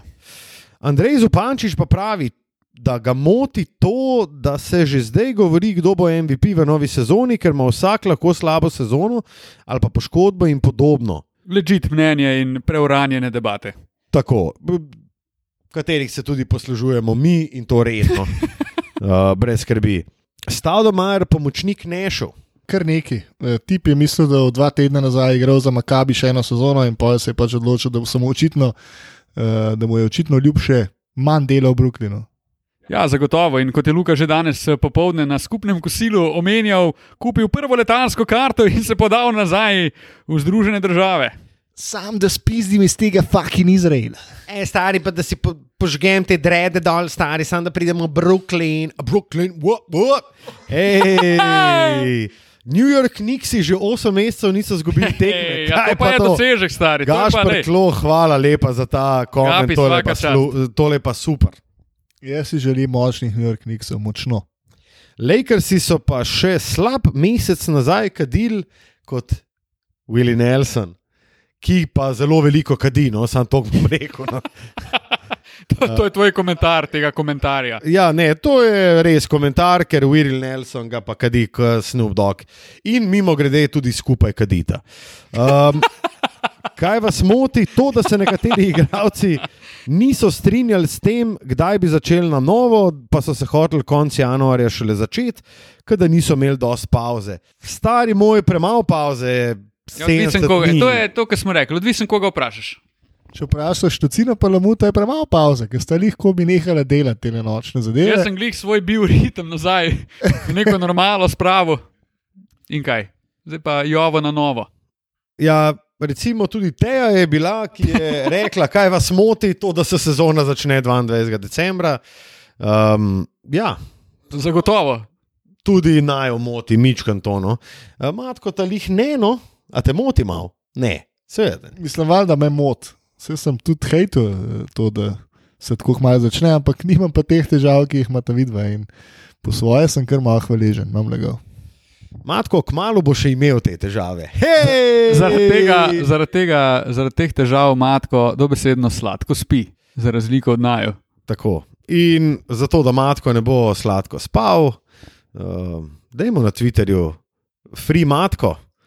Free matko, Free please, matko, stari. hashtag free matko in dajmo ga. Dajmo ga, ne dajmo ga, free matko. Free matko, trending. Ej, Če to začne trendati na Twitterju, ne. pa se pa obetajo spremembe. To je pa dej. u, dajmo ga. To je pa zdaj skoraj bolj pomembno, kot pa gogi v dvokorak. To pa vemo, da bo naslov te uh, epizode bo free matko. Free matko. Ej, Anže Kodelič, Kodelic, Kodelič eh, pravi, kaj vas moti. Dajmo se malo pomeniti o zlatko in pa potrču, siguren bo kakšna sočna prletela. Sočna breskvica v tvojo paco, gospod Anže. Sočna breska, v stari. Sočna breska, o tem se ne bomo pogovarjali, zato ker ti ljudje, oziroma tole ni vredno našega uh, komentarja. In mislim, da se oba strinjata s tem, da bomo to pustili pri miru. Mislim, da tudi nismo zato tukaj. Pa itak smo bili grajeni, zato ker smo se spustili enkrat v te zadeve. Ne. Ja. Puste Bojda. to na mir, vi ne štekate. Ej, vi ne veste, kako je, ko so, M, S, ko so SMS, ne MMS, e, MSM, mainstream medija, no pač. Pa Murgel, Murgle, pa Turbo krive, stari. Dej, vse smo Janšo smo gostili na tem podkastu, tako da v redu je. Ja, ura je 21.07, Tilen midva. Hoj, so prost, kurac, midva kršva tole kurčevo policijsko uro, bova prematko tu prespala. Zdaj smo na jobu, kaj? Na jobu, kurac, na jobu. V redu je. Ja, Na kaj? jobu je rekel. ja delamo, a ne? Na jobu pa lih, kar si ga bo odprl. Josef Jobo. Uh, Oh, Centralni branilec Severtona. ja, je, mislim, da je. Everton. Nadaljuj, Luka. Dobro, okay, kaj vas moti, broni memsi? A koga motijo mem, memeti od bronja? Ne, meni so štorije o bronju čist nore, stari. Mene to ful zabava. Ti žlahne štorije. Ne, mene nič ne moti, zdaj sem videl rad od te njegove tenove.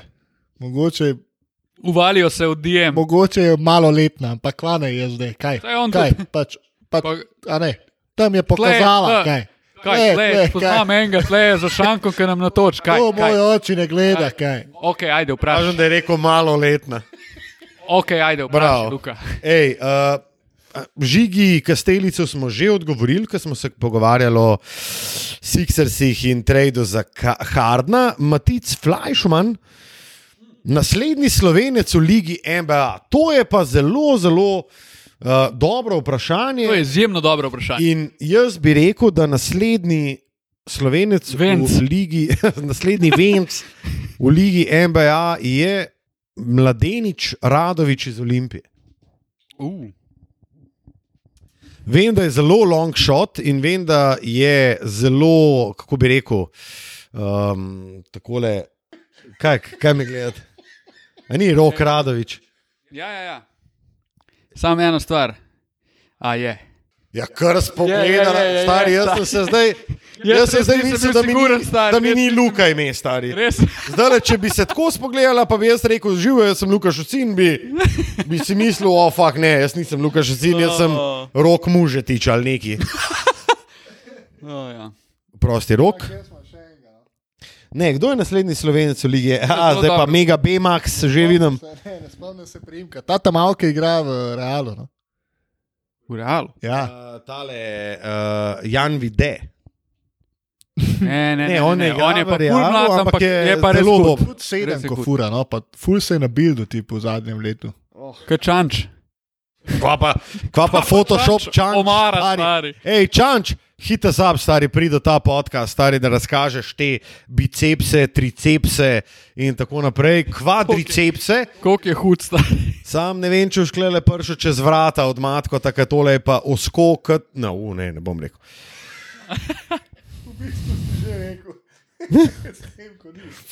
Kaj vam gre na živce, oziroma kaj vas moti? Kako se vam zdi, da je Danny Green povedal, da če se bo liga začela decembra, bo Lebron na- najverjetneje odpočival še mesec dni? Uh, Luka, na to smo v bistvu že odgovorili tekom tega podcasta. Jaz bi še rekel mogoče na to temo to, da je odlično, da se take zadeve povejo. Uh, taka dobra popestritev. Ne? Kot da nimo J.J. Redick, eh, priporočamo še eno stvar, ki jo je takole Matija Kosmač prijazno podelil z nama v našem skupnem uh, Facebook Messenger pogovoru. In sicer J.J. Redick vpraša up Bradleya Bila, oba aktivna igralca v tem trenutku, kdo je bil drugi najboljši njegov soigralec v karieri. In dame in gospodje, prosim, pogledajte si ta klip, ker to je amazing. To je pa, to je pa kar noro. Da To pa je to- drugi najboljši igralec, ta igralec, Ja, je pa še večja norišča. To je v bistvu kliče po hashtagu FreeBill. Oh, Klaužar. A, urban. A, Urbi, jebem ti Urbi, pridu MBA, jebem. Urban Klaužar, Urban letnik Klavžar. 2004. Jaz Ja. uh, mislim, da bo on naslednji NBA, iz- NBA-jec iz Slovenije. Iz Venije. Pa zelo legitimen in dober izbir. Izbir. Izbi. o, ja. Izbir. Super. Um, Mateo je dejal, kaj vas moti, ni dvokoraka. Hej, Mateo. Ko to ne poslušaš, je dvokorak pri tebi doma. In uh, v tvoji gefici. Hej. To je gobi. Kaj pa pravi Alan Kranvogel? Alan Kranvogel pa pravi, uh, to je pa eden izmed bolj. Uh, Ja, to bo pa Tilen prevzel takoj, zato ker je to komentar, ki ga je takoj, ki ga je prebral, ga je pogrelo. In pogrelo ga je kot, uh, kot takole bi rekel, ne, ne vem. Kot moja stara mama Joto ob 4 popoldan, ko pridem iz šole. Pizda bi mi zdaj ena jotica se. Jota, stari, to je Jota je noro. Jaz sem velik ljubitelj jedi na žlico. Diogo Žota. Hej, deset golov v sedmih tekmah. ne? A ne, Diogo. Ja, deset tekem, sedem golov, ja, tako, tako, tako. Je napisal, Alen Kranvogel je napisal, kaj vas moti, oziroma kaj te moti, da Lakersi mislijo, da so osvojili naslov, ker so dobri, resnica pa je ta, da so ostali slabi. Luka, Luka, odstavi, že vre. Ne, zdaj v tej uri, pa skoraj dveh urah, sem se že do dobro ohladil po prebranem odzivu, ki je meni Prebranac. izjemno, izjemno hejtersko nastrojen in v bistvu sploh dobro ne razumem tega, ker trditi, da, je, da so vsi drugi slabi, mislim, meni je to en velik nesmisel, no, brez zamere. Mi dva sta tako ali tako rekla, da, so, da je v bistvu naslov v Bablu mogoče šteje celo več kot kar naslov izven Babla v normalnih okoliščinah, zato ker so to bile okoliščine unprecedented uh, in tako naprej. zaradi tega, glede na to, da nimaš gledalcev, vsi tam skozi na istem terenu. Pač nimaš prednosti potuješ domačega igrišča, in- in... že to je dosno. Ja, na neutralnem igrišču se dobiš in pač dejansko zmaga ekipa, ki je dobesedno najboljša. Okay. Uh, Alča 12 je napisal, kaj vas moti, če izuzamemo korone, korono, ukrepe Janša, Trumpa, izgrede Hojsa, še kaj ostane. Oho, Alča 12, seveda še veliko stvari ostane. In v prvi vrsti je to Žan Mahnič, in v drugi vrsti O, ja! model ima pa kostanje blizu svojemu nosu, starejš kako.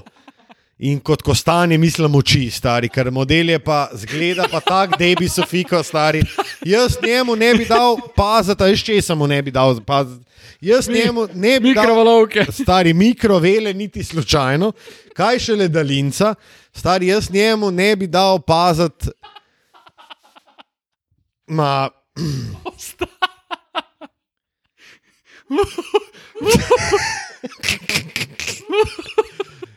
hej, Mahnič, Kostanje. hita sam, stari. Te kostanje imaš pa preblizu, da te, jemljajo, eh, da te jemljemo resno, jebi ga, stari. Kostanje, stari, to je pa nov, moj najljubši, najljubša sopomenka. Pri Mahniču. Moja najljubša sopomenka za oči, kostanji, stari. oh, Ej. oh, zdaj sem se pa kar malo trudil, moram reči. Uh, Znala. Obera bo teh uh, Ne. govorov dosti. Ja, stari, ti si nas zafukal, stari, ker si dal pred snemanjem podcasta. in zdaj Meni je pa to všeč, Lej, malo engagementa mora biti stari. Ura pa pol je v redu. Vi Torej, pišete, super. je. znalac piše, kaj vas moti, to, da ni bilo dvokoraka.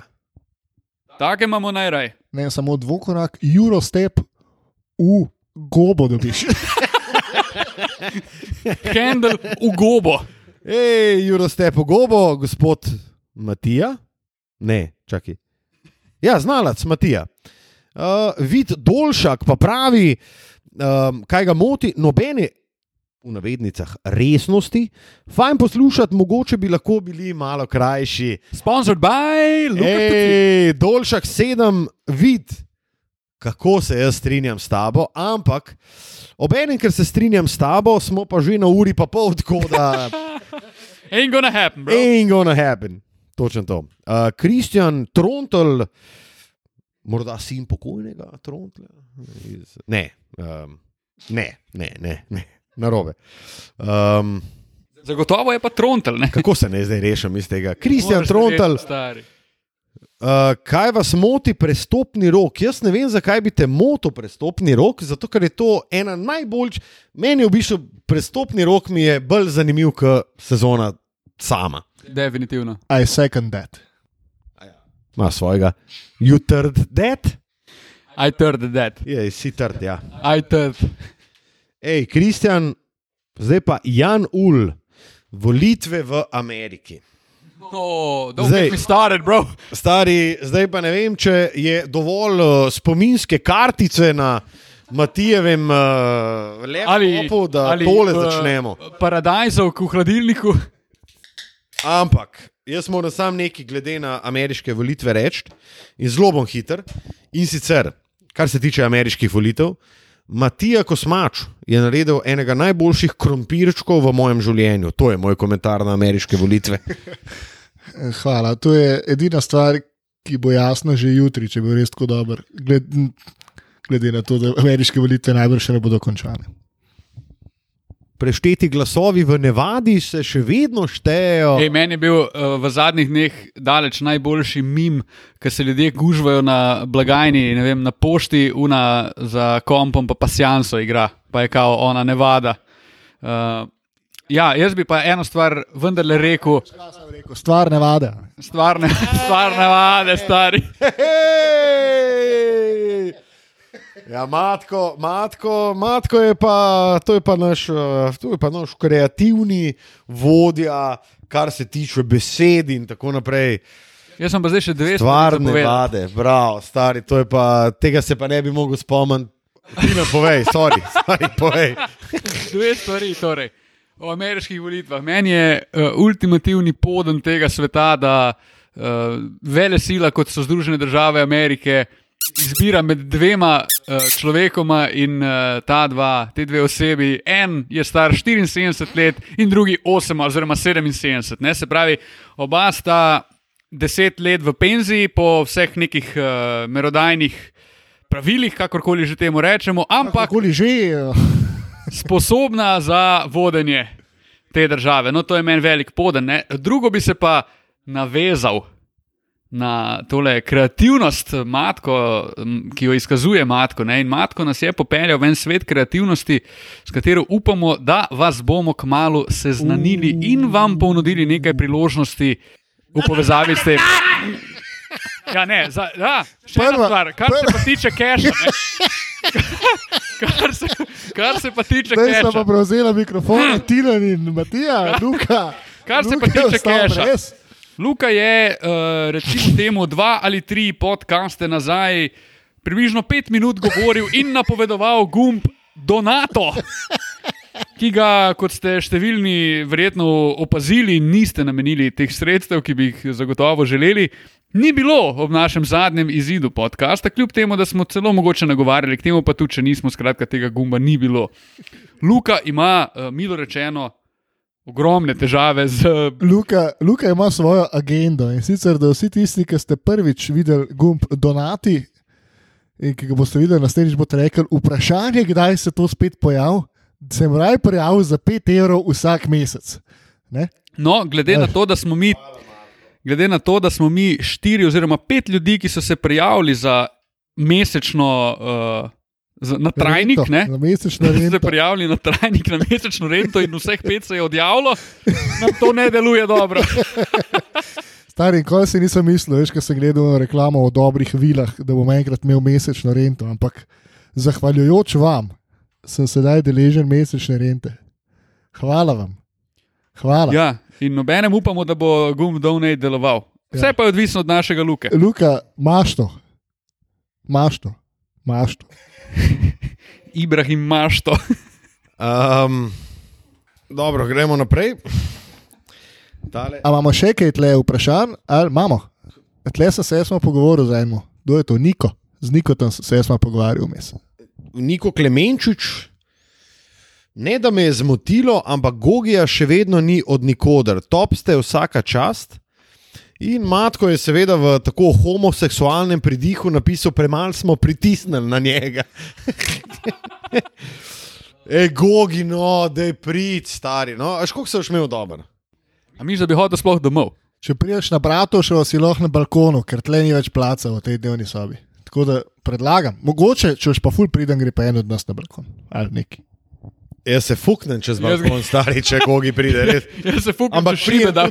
Če šibe, da se fuknem iz tega fleta ven, stari, če pride Gogi, pa vsakič prijem nazaj. Gogi, prosim, pridi. Gogi, Matija, ko smo šli na mut, Lukaš, Šucin, te prosimo, da pridi. Um, Pridi. vsi smo imeli, Da pridi.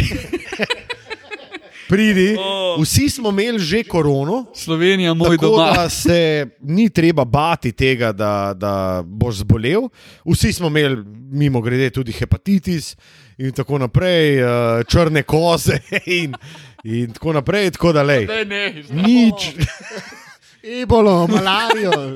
Tako je, vse tropske bolezni Vse- smo imeli. Vse obsegajoči smo, kar se tiče naše zdravstvene kartoteke. Tako. Mogoče, mogoče ima kjer od nas hi... Ne. Um, Vsi zdravi smo, no? sam prid, stari, sam prid. Um, Zoom, Zoom, Zoom Skype, Teams, Microsoft Teams, Go, Hangouts. Meet. Wha- Wha- WhatsApp, Hangouts, Viber, Hangouts, ki so ful stabilni. Messenger. Hangouts. Viber. Va, ne, to sem že rekel. Da je sam prid, stari. No? Uh, Niko Klemenčič, mislim, da smo tebe že obdelali, no homo. uh, zdaj pa Peter Benčina. Uh, v zadnjem času me je motilo, da ni bilo vsak teden, ko ste cari, cari v carski državi, car. Hey! Ej, skoraj da na ruskem carju danes. Uh, ho, ho, kako dobro. In potem je še napisal, carčani morda. Hej, iz uh, države. Igra besed, torej. Ja. On, je, on je zelo, zelo uh, poglobil se v zadevo. Tako kot smo se mi poglobili v ta podcast, ki traja že uro in 40 minut, ampak nič ne de, še Miha Sever je naslednji, bil je že cajt, BTV, Anže koliko si iz Beck, stari. Smajki. Končno si se sprostil. Ja, uh, ta teden sem mislil, da imam korono, pa sem se šel testirati, pa je nimam, to pomeni, da Proslava. da proslava. Uh, je pa Nik Razboršek napisal, Nik Razboršek je pa naš zvesti poslušalec Ja, res. in obenem tudi izjemen slovenski teniški igralec. Um, Nik nas redno posluša, kar sem že povedal, da je rezni, redni poslušalec, in nam je kot zadevo, ki, nas, uh, ki ga moti, uh, spet napisal, da Gogare ni bilo na podcast. Nik, lej, Res je, ni ga bilo. Ni ga bilo, dej ti, ki imaš veze tudi na teniški zvezi, pa tako le malo, se veš. Uh, malo Tonko Čevar, Dešman, malo uh, Blaž Kavčič, malo Blaž Rola, malo tako naprej.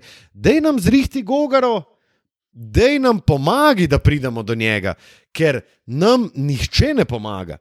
Tako, v bistvu nas, na, nas zaustavljajo, nas, ustavljajo nas, ampak nas, nas nikoli ne boste ustavili. You never gonna stop us. Mi bomo šli naprej, stari, mi smo, mi smo v fazonu, mi smo uh, uh, Tanja Fajon tega la. What? Tanja, fazon. Fazon. Ja, lej, pač ni ga bilo, nik.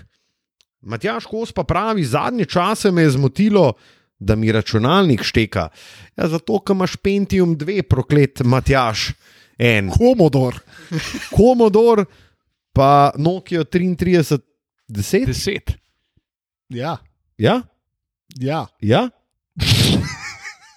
Luka nadaljuje, prosim. Ja. Neč golo pa pravi, kaj ga moti podcast o vaših komentatorskih karierah, komentiranju na splošno najljubših tekmah, ki ste jih delali, itd. Wow, to je pa zelo dobro vprašanje in na katerega bomo odgovorili zelo hitro. Matija, katera je bila tvoja najljubša tekma, ki si jo komentiral v življenju? To je pa ful pretežko vprašanje. To, zato bi se mogel pripraviti. Je pa res, da je petek zvečer in sem frej. Mogoče, tako le. I just lay it out there. ne, mogoče. Oh, Promičbeni program. Ne, mogoče bi to uh, terjalo kakšnih 10 do 15 minut za kakšno drugo epizodo, da malo o tem govorimo. Smo pa veseli, da smo se znašli v teh vodah in to vsi v istem časovnem fazonu. Kva? Zato, da smo eh, lahko razvili tudi tale naš, tega le našega otroka. In to je podcast dvokorak.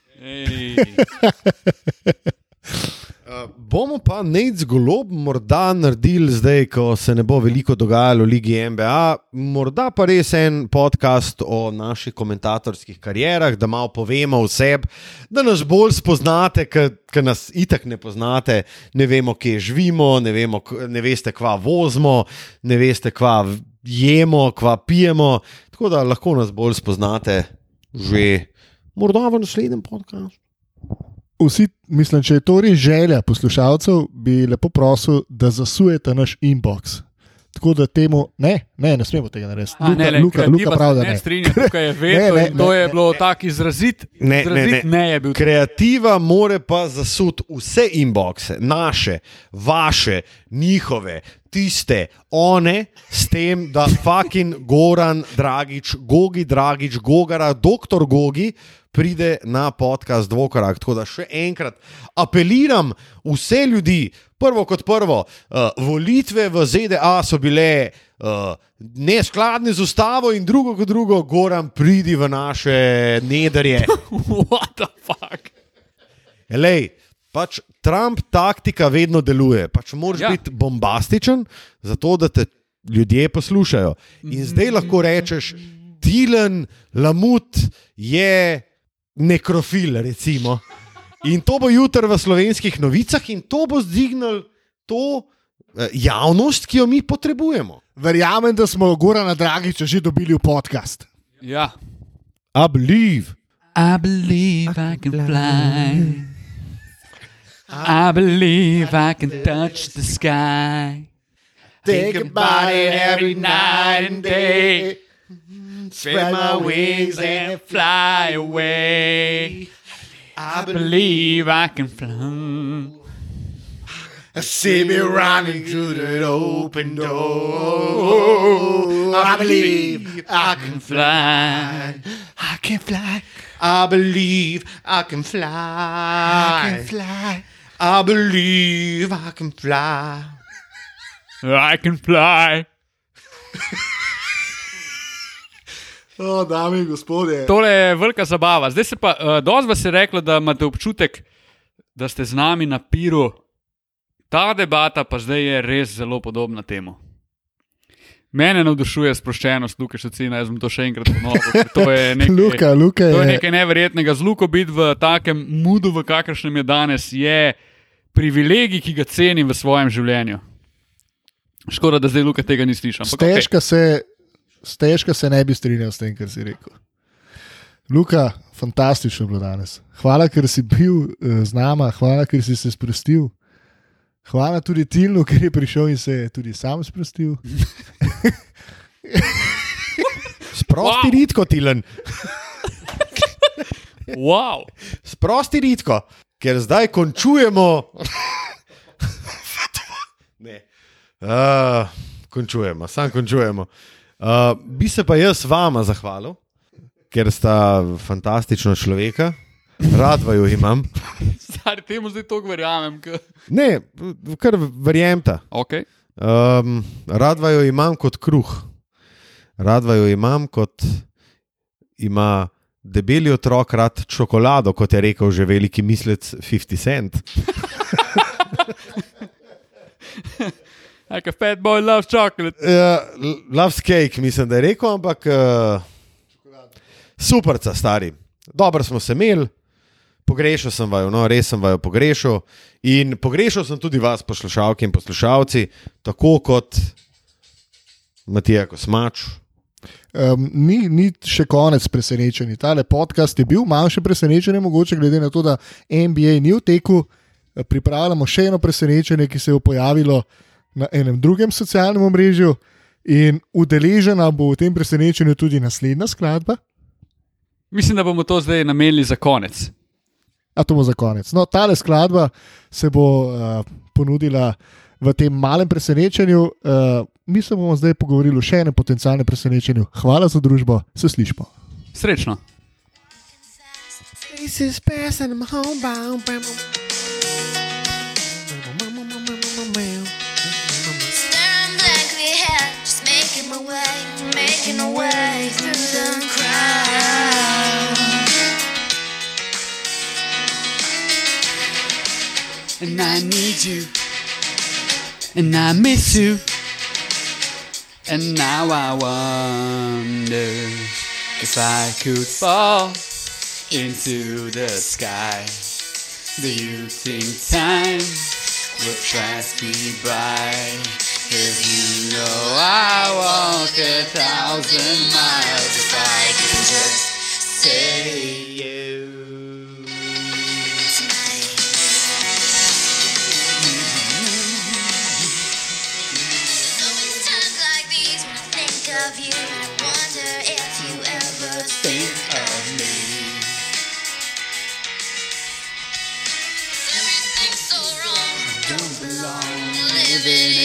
Precious memory. And I need you, and I miss you. And now I wonder if I could fall into the sky. Do you think time would pass me by? A thousand miles if I can just stay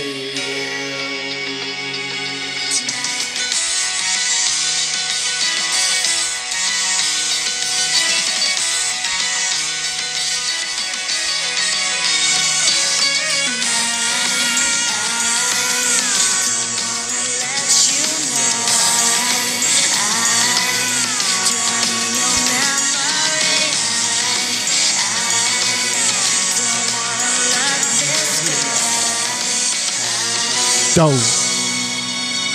Pa gremo. Making my way downtown, walking fast, faces fast, and I'm homebound. Staring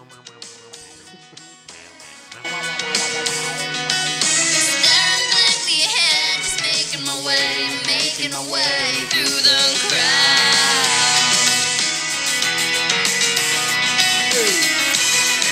And I still need you. I still miss you. Now I wonder if I could fall could into the sky. Do you think time would pass us by? Cause you know I walk a thousand miles if I can just see you. I can fall into